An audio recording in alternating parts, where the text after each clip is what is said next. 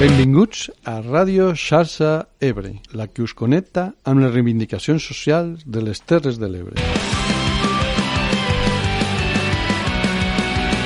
Aquí estem de nou per tractar tot el que ens preocupa amb la gent que se n'ocupa.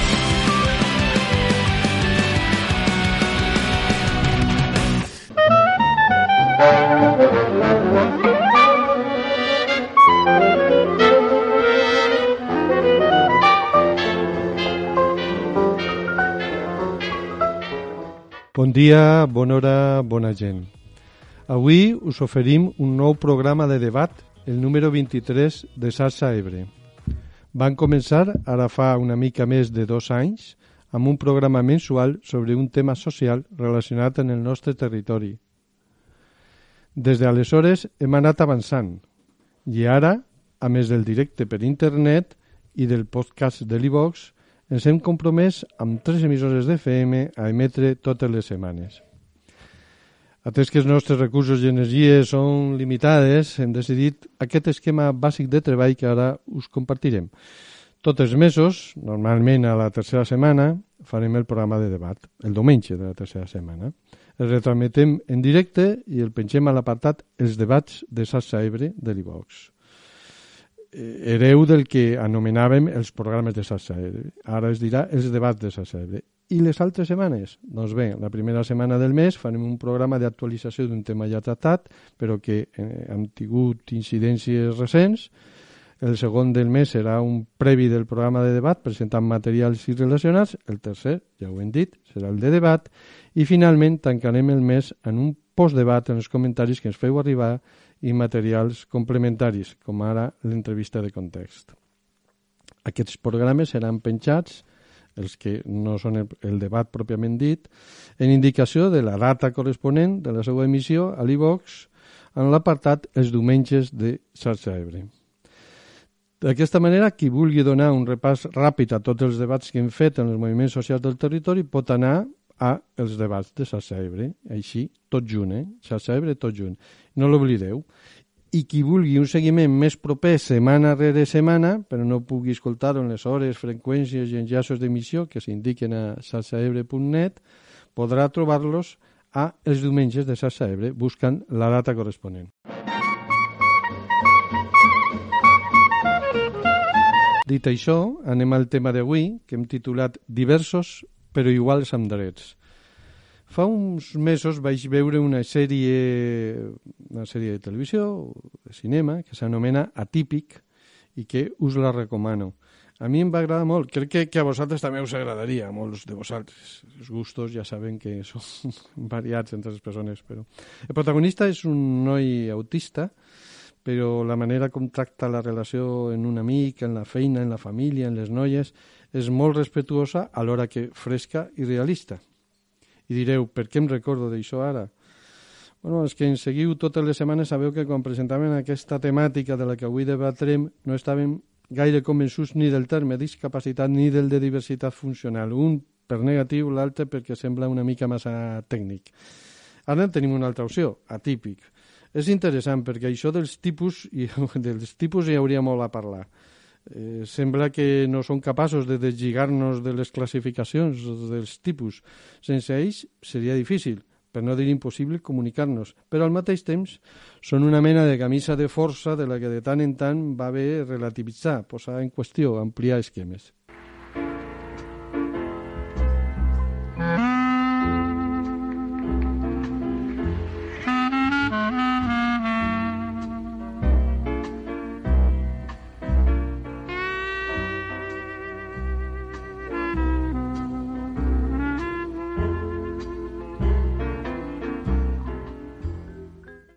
I això és el que volem dir amb la diversitat, el títol d'aquest programa.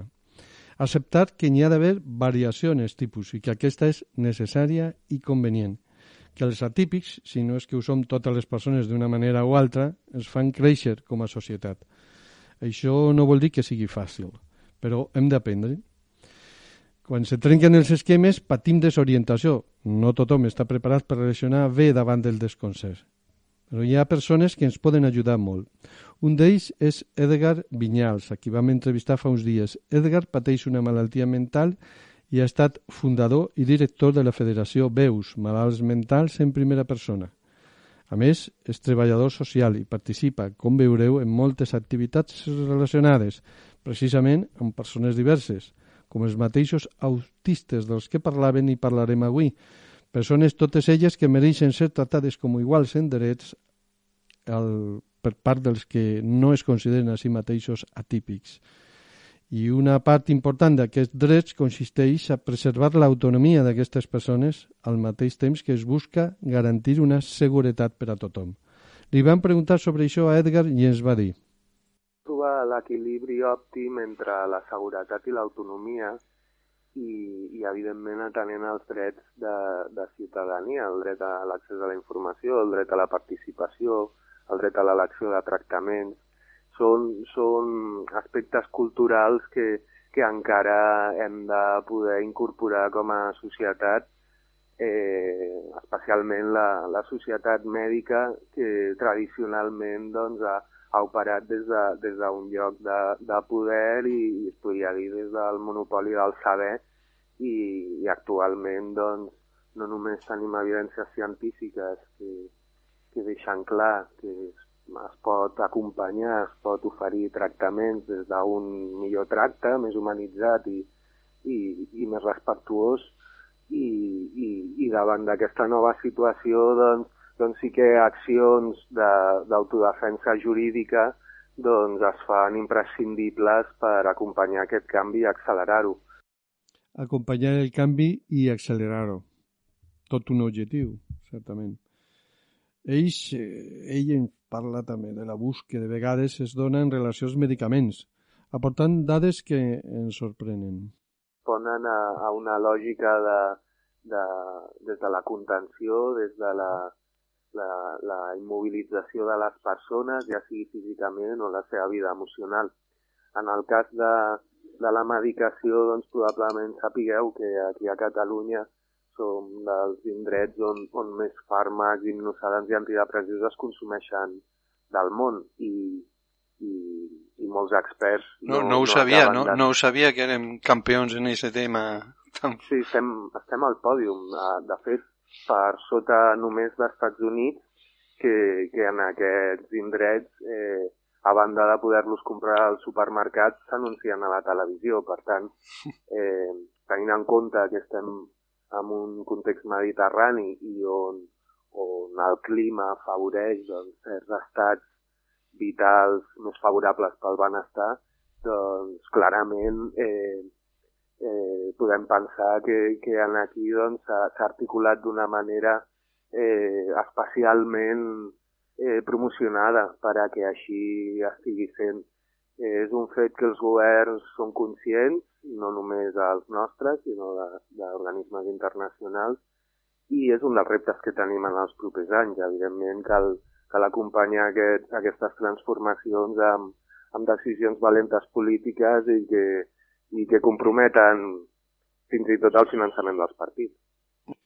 Fixeu-vos el que diu així com, que no, com qui no vol la cosa. Decisions valentes que poden comprometre el finançament dels partits i tant, perquè ja, ja sabem la manera d'actuar de les farmacèutiques i les de les multinacionals farmacèutiques i les estratègies que utilitzen per a controlar les cúpules de partits. No fa molt parlaven d'això, de les llistes tancades que faciliten aquest tipus de coses perquè els electes no es deuen a la gent que els vota, sinó a la cúpula que els inclou una llista. I si el poder està més centralitzat, els grans interessos econòmics ho tenen més fàcil. Ara el problema no es dona només en els medicaments. Edgar ens parla del que s'anomena contenció mecànica, en breu, lligar a la gent al llit. És un dels cavalls de batalla de veus i ell ens ho explica així. El cas de, de, la, de la contenció mecànica, eh, que és lligar els dits dels turmells, dels canells, a, a, al tronc, doncs també és un, un dels temes que, que el govern eh, ha de resoldre. Eh, vam fer una compareixença al Parlament, eh, vam participar als grups de treball de, del Pla de Salut Mental i Addiccions i, i hem continuat fent campanyes donat que, que encara no hem, no hem aconseguit que, que tota l'evidència científica que apunta a, als canvis que, que es poden fer a les unitats d'hospitalització perquè es redueixi i s'acabi eliminant, doncs encara a dia d'avui ens falten mostres de, de voluntat política, tot i que eh, molts hospitals de Catalunya ja han iniciat processos de transformació i en els darrers anys han reduït notablement el número de contencions mecàniques. Ai, la voluntat política. Quan costa de fer-la bellugar. No és que Edgar parli d'oïdes, parla de coses que ha patit en primera persona i que està disposat a posar en evidència, perquè ell troba que això és necessari per a totes les persones que, que bueno, estan en aquesta situació. Personalment estic a l'espera d'una vista d'un judici donat que amb el meu darrer ingrés involuntari doncs vaig patir les agressions de, de dos de, de les persones que treballen a la seguretat de l'hospital i si bé el jutjat que on va arribar la meva demanda penal el, va desestimar la, la demanda, Uh, posteriorment, l'Audiència la, Provincial ha demanat eh, que, que l'Hospital de Sant Pau elabori un informe i a testificar les infermeres que van presenciar els fets.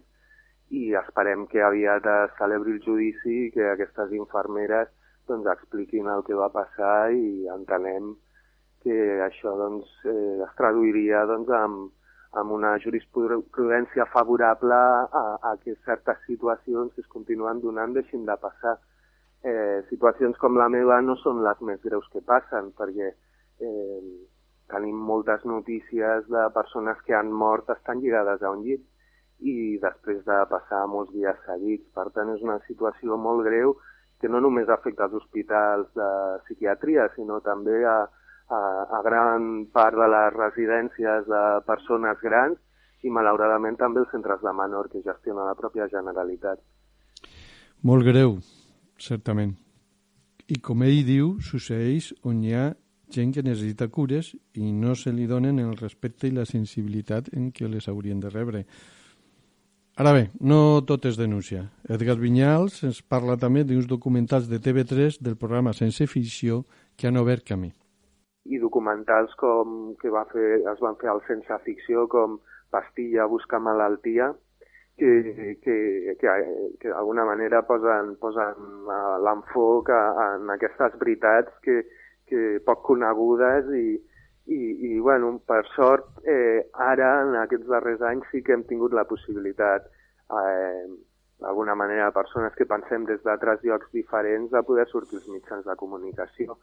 Una mostra és el Sense Ficció de Veus contra l'estigma, que, que, que també ens va permetre doncs, anar a gravar a Finlàndia, a la Lapònia Occidental, on, de, on allà des dels anys 80 utilitzen una metodologia, el diàleg obert, que, que pràcticament fan un ús eh, reduït a la mínima expressió de fàrmacs i en canvi són dels resultats de recuperació de psicosi eh, els millors resultats que hem, que hem trobat científicament en els darrers 20 i 30 anys. Pastilla busca malaltia i veus contra l'estigma. Documentals que presenten la cara i la creu de com s'aborden aquestes qüestions. Suposem que no és l'únic joc, però sembla que, que en temes socials podem aprendre moltes coses dels finlandesos. I una de les més importants potser és com, com es tracten els anomenats determinants socials de la salut. Per tant, atendre els determinants socials de la salut, que, que els últims estudis publicats per, per, per, per l'Organització Mundial de la Salut, per exemple, eh, deixant clar que el 80% d'aquelles eh, d'aquells recursos que tenim a les societats actuals, el 80% d'aquests recursos que ens generen salut estan fora del sistema sanitari. Per tant, això eh, eh, planteja un, el repte de, de reorganitzar els recursos públics eh, que s'orienten cap a la salut eh, i des d'aquests determinants de la salut doncs, promocionar la participació cultural, la participació a la comunitat, la participació política, la vida social i, per tant, els drets de ciutadania. Al programa en què van començar Sassa Ebre, dedicat a la salut, Àngels Martínez Castells ens parlava dels determinants socials de la salut i ens deia que les diferències, es mostrava les diferències tan abismals que hi havia entre l'esperança de vida entre països i fins i tot entre els mateixos barris de la ciutat de Barcelona, per exemple. Edgar ens dona una altra, una altra dada fruit de recerques recents. Solem pensar que la nostra salut depèn molt del sistema sanitari. No és que sigui així, però que no sigui així, però aquestes investigacions ens diuen que només és en un 20%. És a dir, el 80% del nostre estat de salut depèn de les condicions socials de la nostra vida. I quan parla de participació comunitària ens recorda aquest lema de la mateixa Àngels de que la salut és lluita per a la millora de la vida. Però com tot no, no ha de ser patiment. Una de les coses que més ens ha cridat l'atenció de totes les que, a les que se dedica i ha dedicat l'Edgar és la seva feina actual a Sarau, una organització que s'ha creat per a que els atípics puguin gaudir d'una diversió com la que ells desitgen. Deixem que ell mateix ens ho expliqui.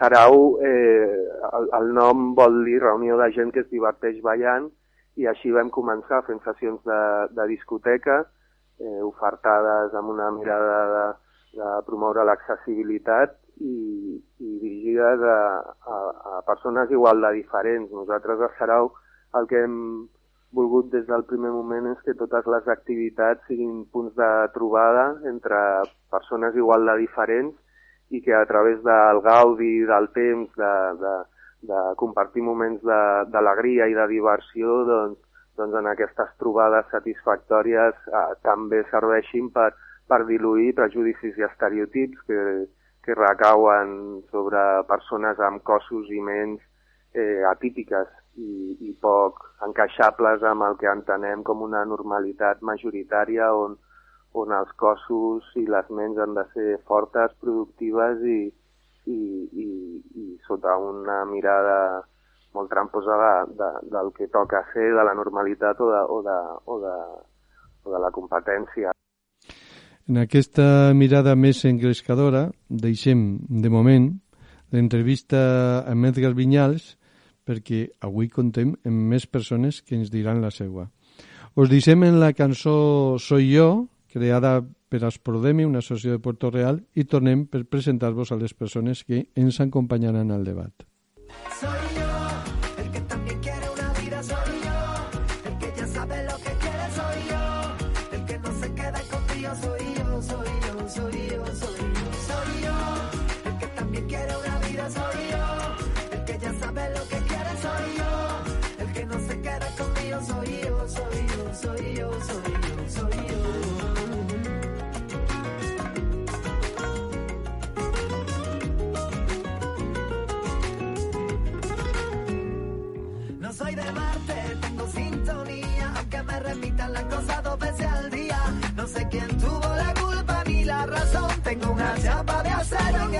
yo. quiero fiesta, quiero alegría, quiero que te ponga en mi lugar una vez al día.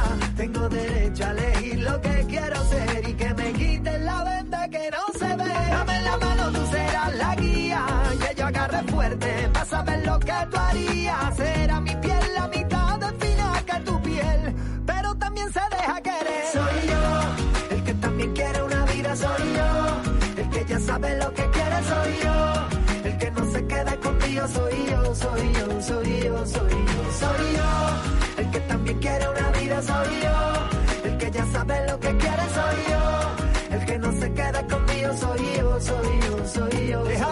que yo quiera.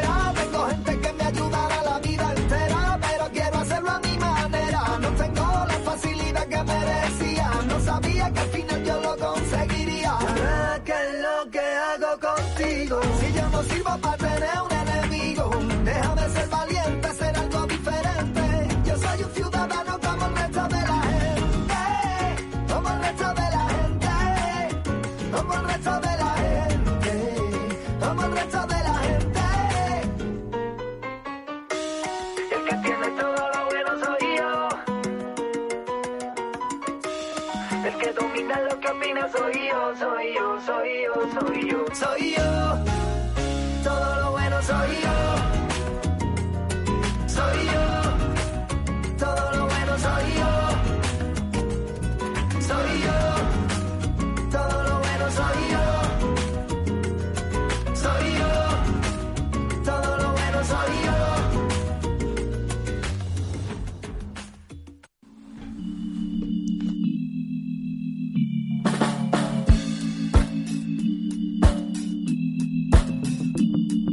Esteu escoltant Xarxa Ebre, la que parla del que ens preocupa amb la gent que se n'ocupa.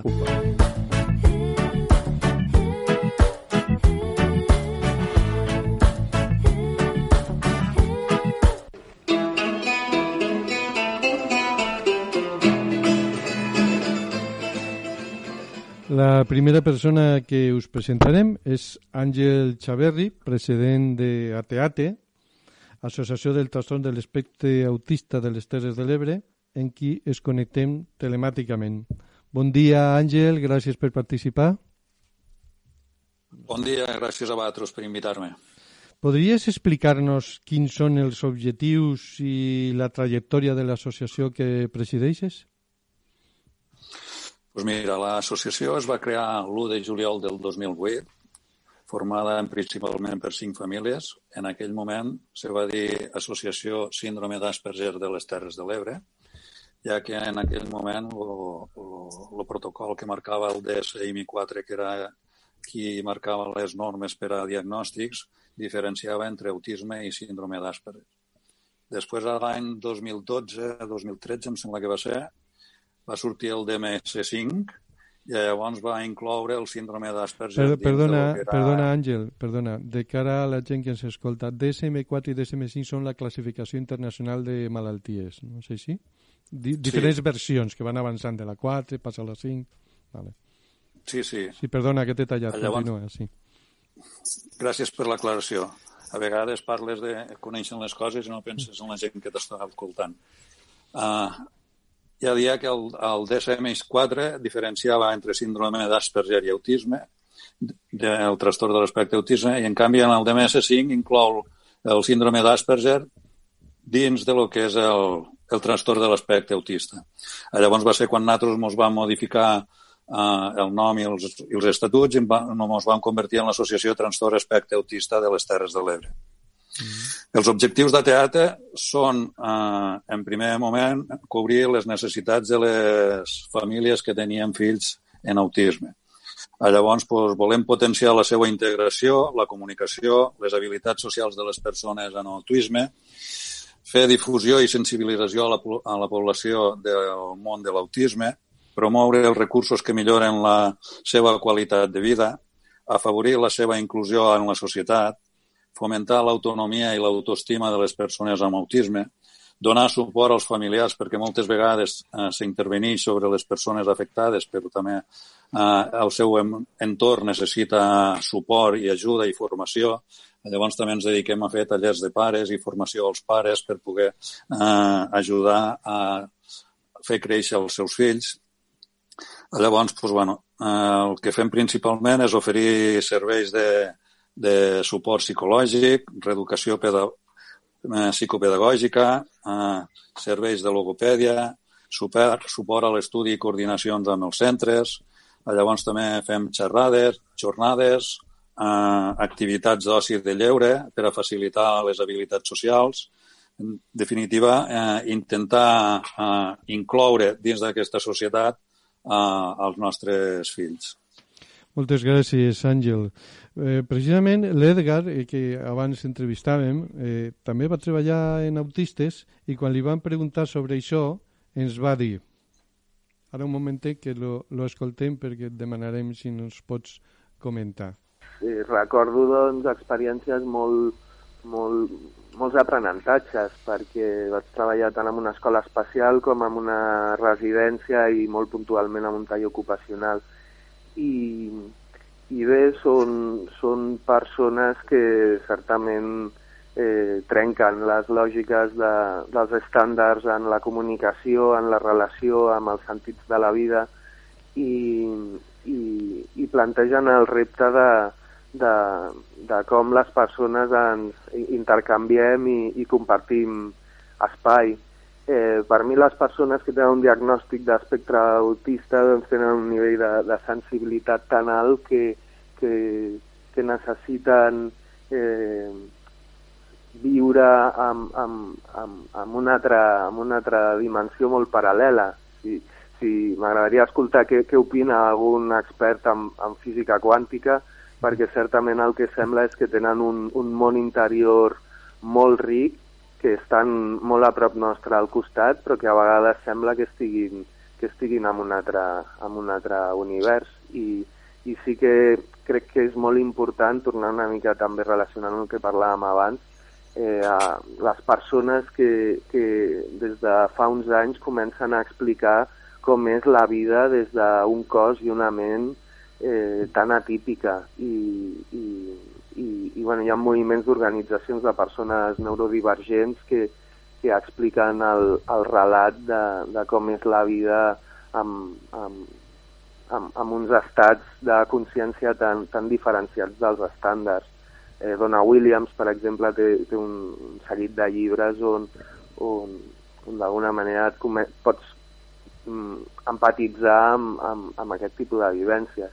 I per acabar i parlant de l'oci, hi ha iniciatives molt interessants com, com, com sessions de cinema pensades mm -hmm. per, a que, per a que aquesta part de la ciutadania que a vegades necessita moure's, que a vegades necessita cridar, que a vegades necessita eh, estar en moviment continu, doncs, doncs també pugui gaudir d'un cinema i sense que això tampoc incomodi o, o d'alguna manera eh, modifiqui l'experiència d'anar al cinema d'altres persones que sí poden estar més, més en quietud i que, i que per, per, per, per, per d'alguna manera viure les emocions no necessiten manifestar-la amb crits o amb, o amb paraules eh, a, a viva veu. Què et sembla això, Àngel? Com ho veus? Té alguna cosa a veure en el que feu a teatre? Bueno, eh, no, en algo sí que, que compartixo, però no, no, no ho compartixo. Vull dir, moltes vegades nosaltres, els pares, no, quan, quan veiem com actuen els nostres fills, eh, mos dubtem de que eh, els atípics siguin ells, sinó que els atípics és la societat en si, no? Te vaig a llegir una mica la introducció que tenim en la nostra pàgina web i fiquem Imagineu una societat on la gent no mentís. No, parla, no parlo de no mentir per convicció, sinó perquè no en sap. Imagineu que la sinceritat més crua és la que impera en totes les respostes quan es planteja una qüestió. Aquesta seria una societat formada únicament per afectats de trastorn de l'aspecte autista. Malauradament, aquests trastorns comporten moltes altres implicacions que dificulten en major o menor grau la integració d'aquestes persones a la nostra societat.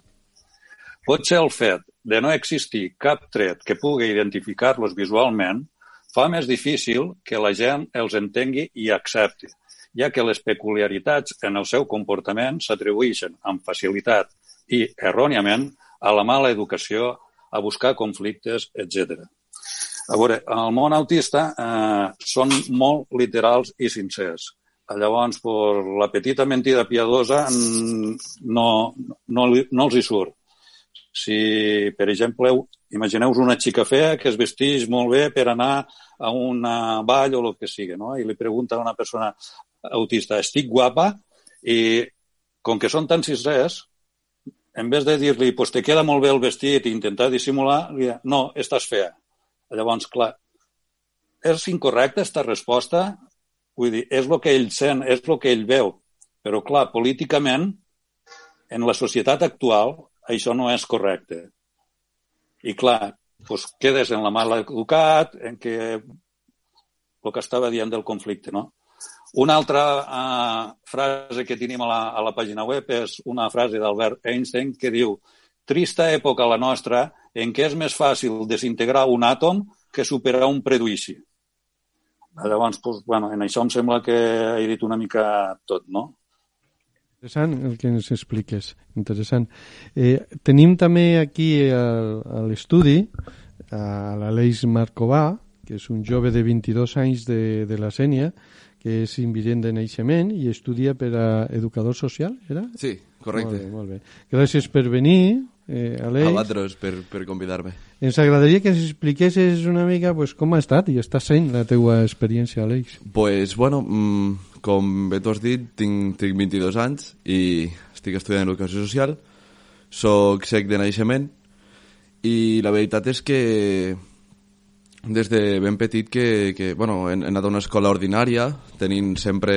La veritat és que vull donar les gràcies a la ONCE pel, pel seu magnífic treball treball que fan en, en la, el nostre acompanyament, ja que sempre he tingut una professora durant la meva època tant de primària com de secundària, que és una professora itinerant que es diu, que és la que et ve uns dies a la setmana i llavors ella fa que tu, que tu estigues en contacte amb los, en los professors, diguéssim, si, de fer, si de fer alguna adaptació perquè nosaltres puguem llegir algun document, tu li transmets les coses que veus que, que no han anat bé, perquè a vegades pues, no sempre es fan les coses bé, no?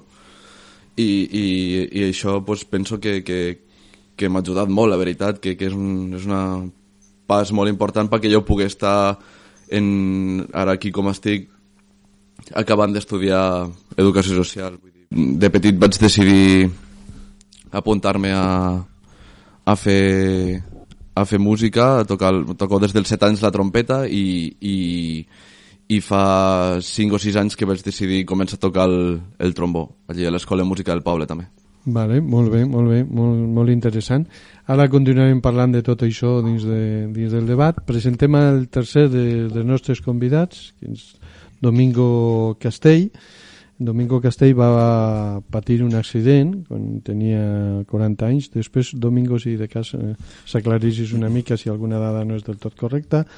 Eh, gràcies per participar a SACEB. Tu has seguit treballant i portant una autoescola que és molt coneguda a la zona la pregunta seria eh, com ha anat tot aquest procés d'adaptació una vegada patit l'accident. Hola, bon dia a tots. Com ja estic presentat, us parlaré un poc de les meves vivències com a minusvàlid. Com has dit, als 40 anys vaig tenir un greu accident de trànsit pel qual em vaig quedar paraplegíc. Ara tinc 72 anys, per tant, 32 anys, quasi mitja vida, que vaig sentat en cadira rodes. Per l'accident vaig ingressar a l'Hospital Institut Goodman de Barcelona durant set mesos, molt durs per mi i també per la meva família. Jo allí sol i, claro, la meva dona a casa treballava i cuidava les dues filles. I els fins de setmana que podien venien a veure, el qual jo agraïa molt. Els primers tres mesos els vaig passar al llit sense poder-me moure, a res. Quan ja em vaig poder aixecar, m'aixecaven per fer-me la rehabilitació i els últims dos mesos ja podia vindre els fins de setmana a casa. Venia el meu dona a buscar-me i el cotxe venia aquí, ja per adaptar-me al que després i agarrar consciència del que seria després. Vull ressaltar el gran treball de tot el personal de la Goodman i el tracte que donaven a tots els pacients. Gràcies a ells ens feien agafar força i il·lusió per a la recuperació possible. Dins del que cap vaig estar bastant bé perquè tinc una lesió molt baixa i encara tinc mobilitat doncs, en els braços, molta força i en el cos de tot això. La tornada a casa, quan vaig tornar a casa, va ser molt dura. Era un canvi brutal.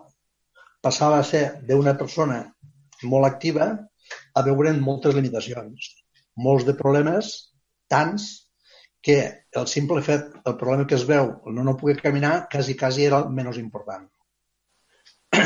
Durant molt de temps arribes a pensar que no has mort, però pràcticament has deixat de viure. Per sort, al cap dels anys, gràcies a la família, amics i el contacte amb la gent, te vas adaptant a la nova situació. Jo vaig continuar treballant de professor d'autoescola, limitat, això sí, a la part administrativa i teòrica, ja que per llei pràctiques de cotxe no ne podia fer. He fet una vida quasi normal.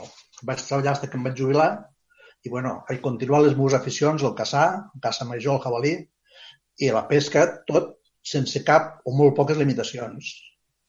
A més, tinc una família numerosa i fantàstica, per tant, dins de tot em sento una persona afortunada. Per tot això, ja fa molts anys que penso que mai he deixat de viure. Esta és, de fet, la meva explicació de la meva forçada experiència. Vale, moltes gràcies, Domingo. I ara, una vegada presentat els tres convidats, us deixem uns minuts en el Langui i el seu No hay límits i tornem per començar el debat. No hay límites capaces de parar a una persona que lucha por su sueño. Hay pero existen miles de barreras que se levantan al paso para frenarla. Cada persona repleta está de posibilidades que le hacen machacar. En el aro del medio cree que se pone enfrente. Tu talento sin etiquetas. No consientas que nadie se crea más que nadie. No, porque no lo es. No, no, no, no, no, no. Jambo loco no lo es. Valiente ante la injusticia. Tú, mayor discriminación que la indiferencia no existe. Ponte en el lugar del otro, anda. Y míralo de frente. A la misma altura. Bueno, ja sabeu que el debat és lliure, o comencem en una pregunta que us faig a tots, a partir d'aquí vosaltres aneu derivant per us, sembla més convenient, eh, aproximadament un quart d'hora debatrem, procurant això sí, us demanem que les intervencions no siguin massa llargues perquè la conversació sigui fluida. Eh, quan vulgueu parlar, pues, eh, demaneu el torn de paraula i els aniré donant. La, la pregunta que poso sobre la taula és en què penseu, tenint en compte les vostres experiències, que aquesta societat hauria de millorar en el tractament de situacions com les que heu viscut? Qui s'anima a començar? A veure, qui, qui, ningú... Vale, Aleix. Sí, jo, en, en el meu cas particular, penso que, bueno, sempre, sobretot és en algunes situacions, no? Sobre, a l'hora de...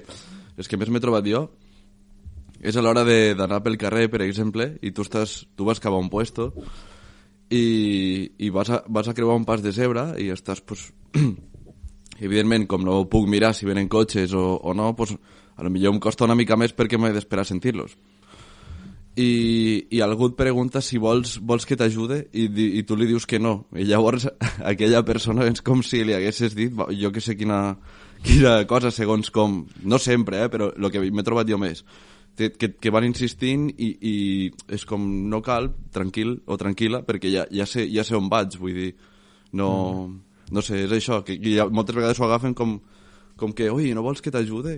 No, no és cap, no sé, no és cap Trobes que de vegades hi ha actituds així, com diguem-ne, paternalistes? Sí, una mica? trobo que sí, que és molt paternalista en, en, bueno, en, en alguns aspectes i, i és això, és el que, lo que comentàvem. Bé, Vale. mm, Digues. jo crec que eh, el tema que la Àngel. societat també tindria que és la, la tolerància, no? Vull dir, eh, hem de ser més permissius, més, més, més tolerants en tot, no? Eh, en ell i pues, en, la gent ho veu, en canvi en, los, en el món autista no, no, no se mos reconeix quan, quan mos veuen si una persona és, és autista o, no és autista, no? I llavors, pues, bueno, eh, el més, el més important és poder fer difusió per a que la gent entengui el, el món autista, no? Eh, un afectat, quan tenim un afectat autista i tenim en compte les seues característiques, descobrim que és una persona molt peculiar i meravellosa. Sí que és molt sensible i que, pues, bueno, si el món fos més tolerant seria molt millor, evidentment. Mm, Domingo, tu què, què afegiries a això? Domingo? Jo en la mobilitat no he tingut, no he tingut massa dificultat, ja que transport públic no l'he empleat mai. Sempre he anat en el meu propi vehicle, puguem pujar i baixar sense cap dificultat de res. A més, viatjar tampoc no m'ha agradat molt i aquí al poble puc trobar amb la petita dificultat d'algun escaló per no entrar en bar, per no entrar en un puesto, però vamos, i en l'ajuda de la gent sempre ho he tingut solucionat. Ja et dic, no sóc massa afectat en tot això. Ja et dic, tinc molta força en els braços, me puc moure bastant, puc pujar i baixar les seres normals, pujo i baixo en la cadira tranquil·lament, però tant ja et dic, al no utilitzar mitjos públics i això no veig tan afectat per la falta de mobilitat. Tu trobaries, Domingo, que, que en aquest sentit a les zones rurals hi ha avantatges respecte a les ciutats en, en, en la Pot mobilitat? ser, sí. pot ser sí. Aquí a nivell de poble hi ha molt, molt pocs locals que no puc entrar. I el que no puc entrar és un petit escaló que en l'ajuda d'una persona o dos pues, entro amb facilitat i bé. No, per això no tinc massa dificultats, no. I per, pel monte, que vaig pel monte i això, pues, no puc pujar una muntanya, és lògic, però m'espera un puesto pla, un puesto normal, assequible, en el cotxe o en un quad que tinc, que també puc anar, no tinc, ja et dic. Gràcies a això no tinc, no tinc gran dificultat, no. Uh -huh. hi, ha, hi ha un oient que ens ha fet una pregunta per, per xat que ara... El que passa és que la, la pregunta és per a precisament la persona que no està, és per a Edgar Vinyals, a la persona que li, li van fer la entrevista, però se la, la diguem aquí, també vosaltres podeu aportar el que us sembla en relació a això i li transmetem amb ell perquè ens doni la resposta i ja la comentarem. Digues, Juan eh, Carlos. Sí, sí, és eh, una pregunta, com dius, de, eh, adreçada a Edgar Vinyals, que és en relació al tractament de les persones atípiques a Finlàndia. Eh, diu que sent eh, que l'ús de la medicació és molt menor que a Catalunya, quines eh, eines o recursos fan servir per conjugar amb èxit i de cara als drets de les persones seguretat i autonomia? Uh -huh. Sí, seguretat i autonomia, aquesta és una mica la clau. Sobre el tema de medicaments, ja que surt per la pregunta, jo he comentat, Edgar, quina, quina opinió teniu? Penseu que en això anem bé o que se sobremedicalitza o al contrari, que falta més investigació? Què en penseu del tema de la medicació en general? O, o no, bueno, no ho sé si vosaltres heu tingut contacte en aquest tema, en necessitat medicació, si no la necessiteu, si Alguna cosa a comentar sobre això? Bueno, nosaltres a nivell d'autisme no és que tinguéssim una medicació específica, no, no, no hi ha tractament directe per a l'autisme, no hi ha una pastilla per a, per a l'autisme. El que els medicaments que es donen a les persones autistes pues, és per a, per a, per a atacs d'angoixa, per a depressions, clar, no, és, no, no són coses directament en l'autisme, són conseqüències de situacions que es previen. Llavors, pues, bueno, aquests tipus de medicaments pues, a la gent no, no, no és que els hi agrada eh, utilitzar-los no? pels possibles eh, efectes secundaris que dona, no? És l'experiència que tenim nosaltres. Mm, precisament, Àngel, hi ha una pregunta per tu. Eh, a veure, què ens passa un oient? Mira, oient. Ens, ens ho passa Issa, eh, que, que el, eh, bueno, diu que és un programa molt interessant, d'una càrrega emocional molt important, i la pregunta que adreça Àngel és eh, la sensibilitat de la nostra societat i l'autisme n'hi ha? Tal? I una més, si, si em permets, una pregunta per a tots en general, com afecta la situació actual de la Covid-19? Penseu que us afecta més? Pues Àngel, la primera i després ja contesteu els tres si voleu a la segona. Uh -huh. A veure, la, la societat no està conscienciada, evidentment. Eh, un dels problemes que ja he dit abans és que quan no, no tenim trets que, mos que identifiquen a, a les persones autistes. Uh, llavors, clar, uh, moltes vegades els seus comportaments se malinterpreten en mala educació. He ficat l'exemple de quan a una xica pregunta si estic guapa, no? I resulta que és fea i li contesten que és fea. Uh, el, els afectats d'autisme ja dic que són persones molt literals i les segones frases, les perifràstiques, tot, eh, pues, los hi has d'ensenyar, no? Per això és important una detecció precoç. Va haure un, un adult afectat d'autisme que, que ens va fer una xerrada i un exemple que ficava ell diu és que jo encara hi ha coses que no entenc, no? Quan volem dir-li a una dona, a una noia que és guapa, no entenc que se li digui estàs com un tren. Diu, com pot ser que compariguen un tros de ferro que no té llibertat perquè va sobre uns, unes vies, no té llibertat per escollir camí, eh, se li compare a un, en una dona bonica, no? No és lògic. Per això dia que Uh, això de que diem els pares a vegades que els atípics són natros i els típics són ells i els lògics són ells, uh, és el que moltes vegades ens dona la sensació, no? Clar, tot això s'ha de conscienciar a la, a, a la societat, no? que, que, que és una manera de ser, que és un, una manera de veure el món diferent, que és una manera de, de pensar diferent, no? que per això no és que t'estigui faltant el respecte perquè digui la veritat directament, però bueno, tots sabem que a vegades les veritats ofenen, no? i no tenen la picardia per a fer la mentira piadosa. No? Uh -huh. I en quant al Covid, doncs, bueno, eh, clar que ha afectat, ha afectat com a tothom, no? Eh, la persona autista funciona molt bé en rutines, no? I trencar les rutines pues, sempre li, su, li, li suposa una mica d'angoixa, no? Uh, en, el, en el que poguéssim mantenir les, les rutines pues, sempre funcionen millor, no? Ja dic, ha afectat com a tothom. Uh -huh. I els Domingo i Aleix? Que... Uh, Aleix? Sí. A, a mi el, la situació del Covid sí m'ha afectat per, pel, per, en dos aspectes, diguéssim. El primer i més evident és que, clar, nosaltres, al no veure, pues, no hi ha d'altra. Si vols saber alguna cosa o algo, pues has de tocar...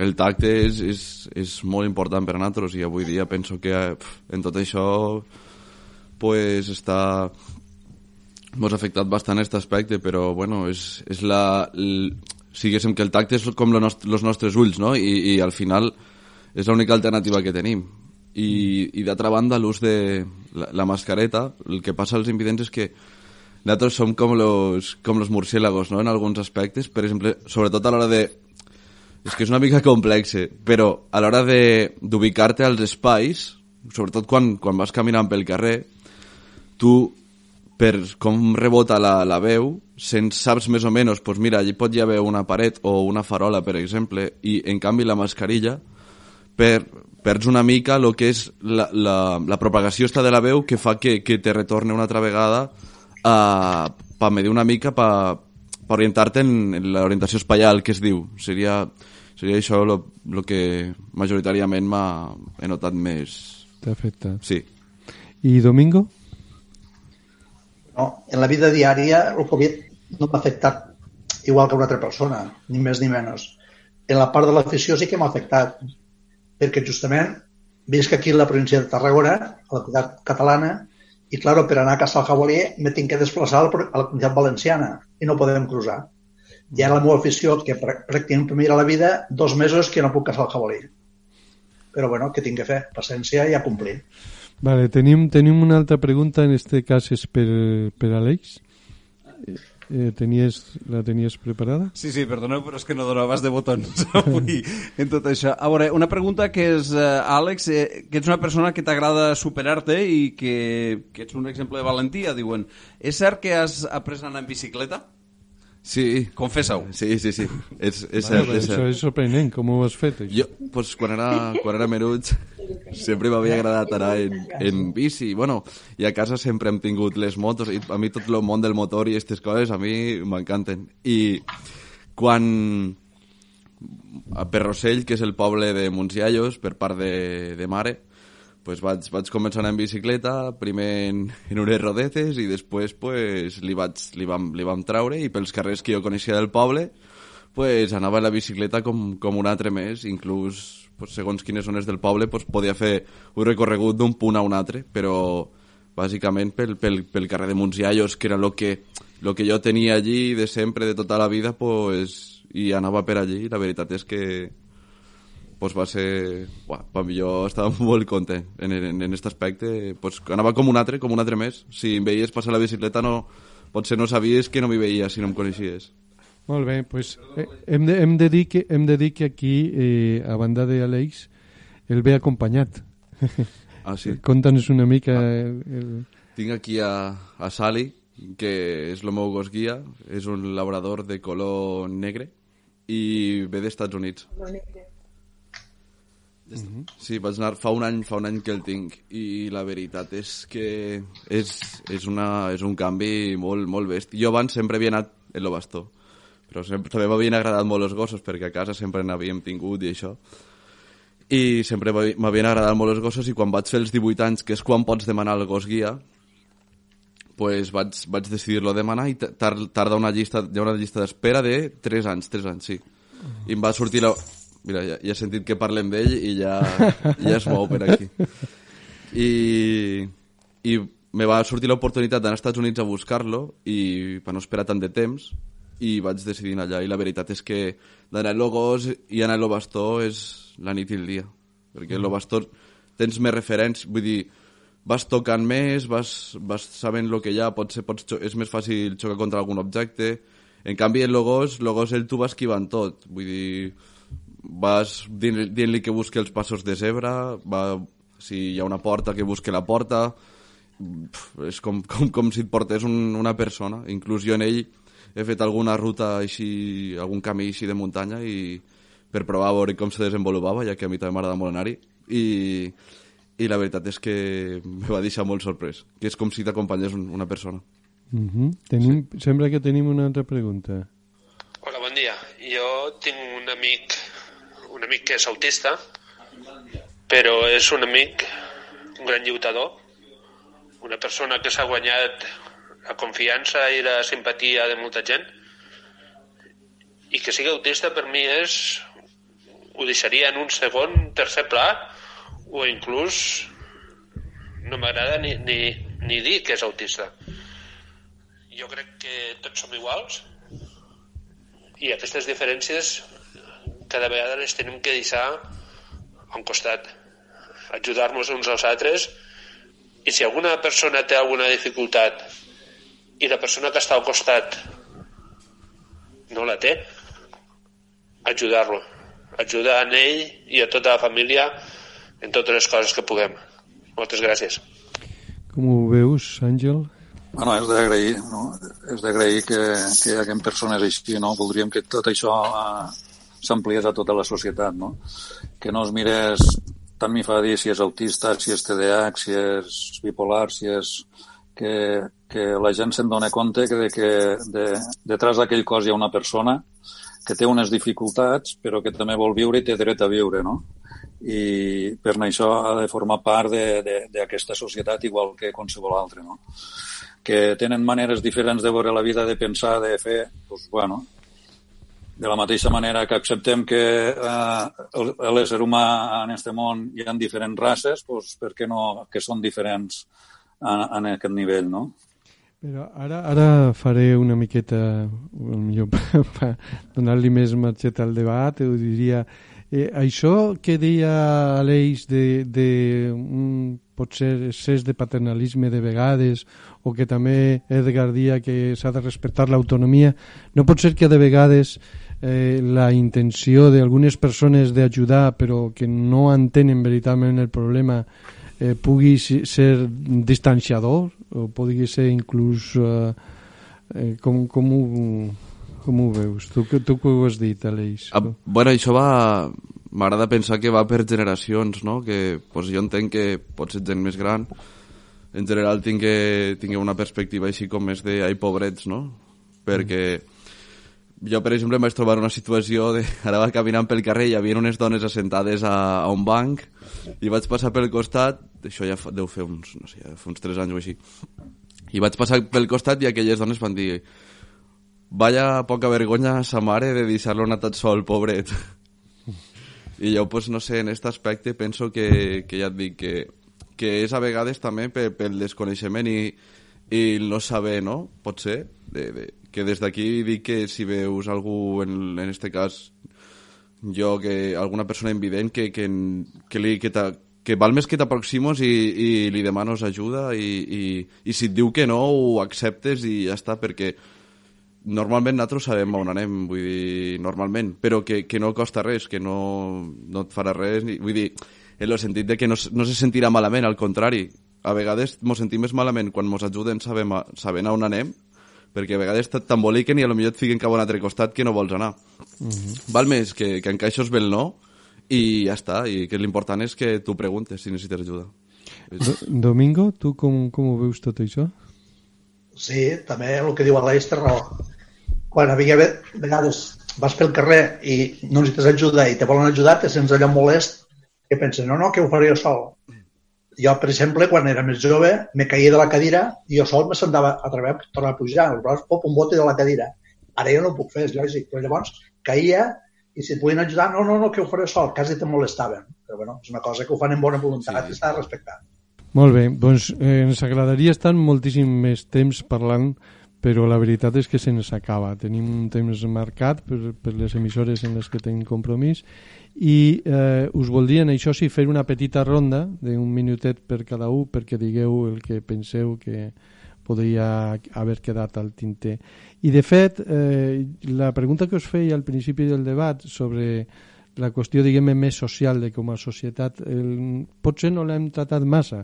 Potser, eh, eh, moltes vegades ens passa als programes que que eh, eh, quan s'expliquen les qüestions només al final, després d'un temps de debat, surgen, eh, sorgeixen unes certes reivindicacions, que costa una mica, sembla que uno vol anar de, de criticó, no?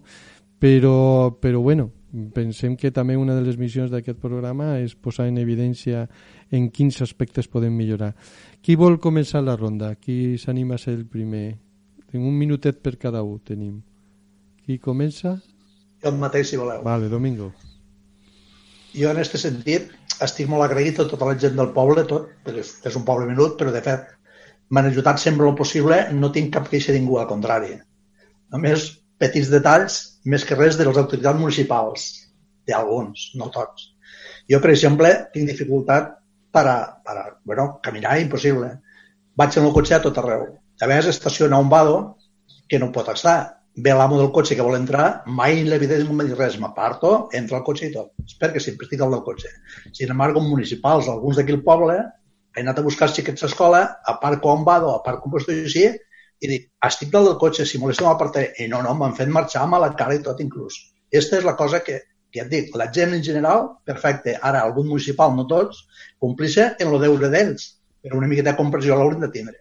Uh -huh. Una queixa no fa, en molt poc temps, dos casos així van passar, del municipal, del poble, i, claro, te sent una miqueta incòmode perquè penses, no molesto ningú, estic dalt del cotxe, si faig nosa m'aparto, i que te facin marxar d'aquestes maneres, és una miqueta de falta de comprensió. Dic, la gent normal, perfecta.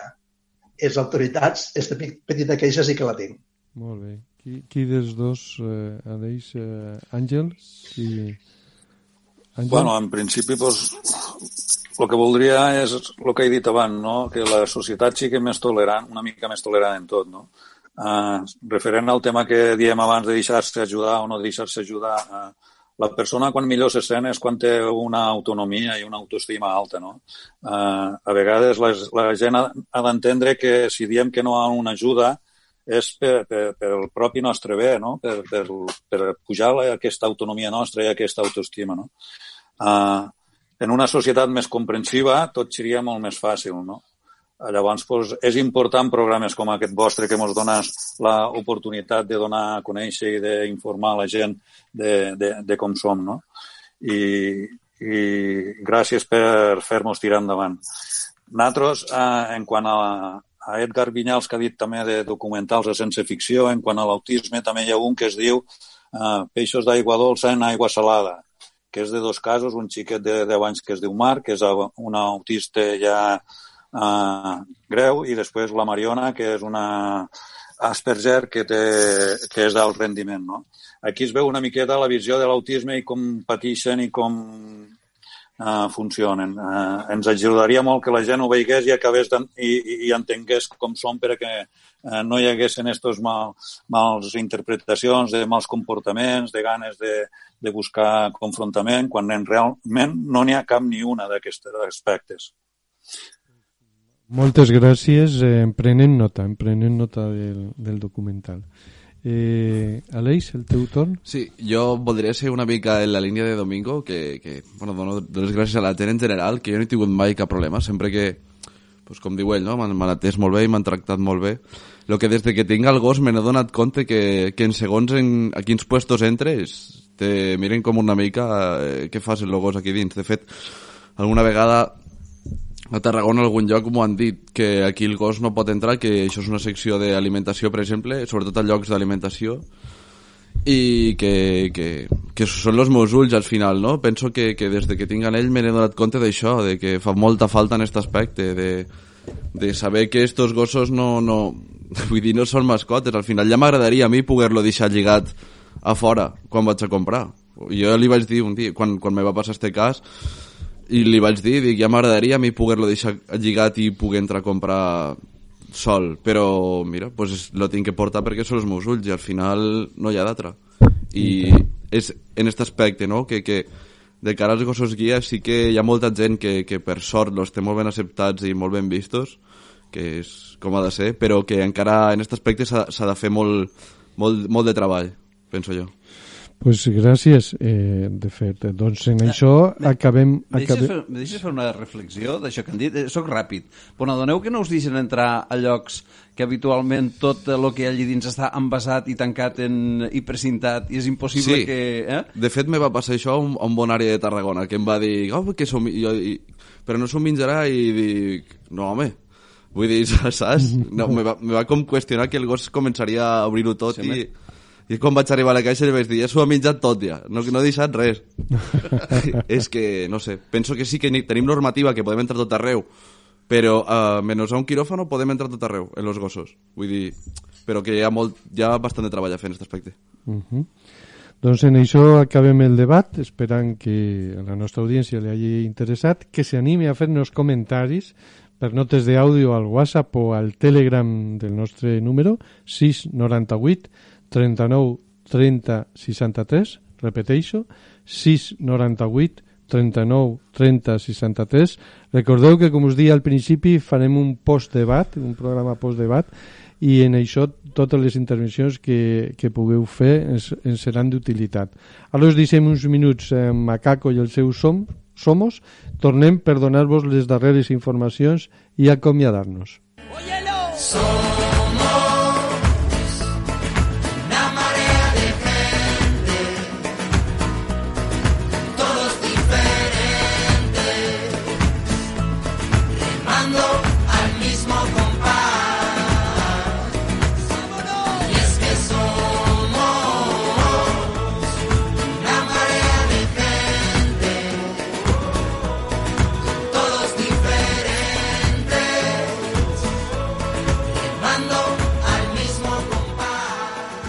Doncs moltes gràcies a Edgar Vinyals de la Federació Veus, a Àngel Xaverri de Ateate, a l'Eix Marcoval i a Domingo Castell, de, bueno, i a la gent que ha intervingut pel xat, a Isa, Enric i a més persones, a Marc, etc.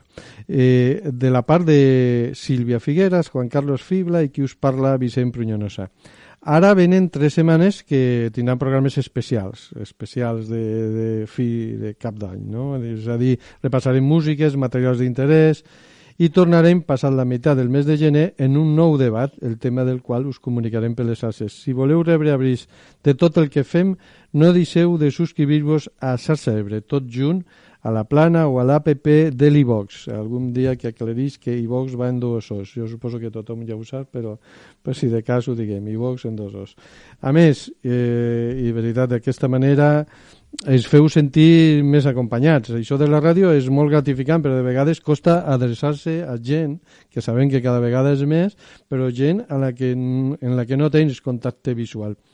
Per això, a més, com deia, us agrairem molt els comentaris que pugueu deixar sobre aquest programa al 698 39 36 63 que ens serviran per poder-los comentar en un proper diumenge. A més, i com a notícia nadalenca, us diem que estem eh, pulint, acabant de polir eh, el xat, avui hem fet una primera prova, per a que qui vulgui, entrant a xarxaebre.net, que com sabeu és el lloc web on es concentra tota la informació relativa a aquest programa, pugui fer un comentari indirecte per escrit o preguntes als nostres convidats. Salut i bones festes. Passeu-lo el millor que pugueu, donades les circumstàncies. Fins aviat. Igualment. T'esperem a la propera emissió de Xarxa Ebre. Ens trobaràs al WordPress, al Gmail, Facebook, Twitter i a l'iVox. Sempre amb aquesta etiqueta, Xarxa Ebre.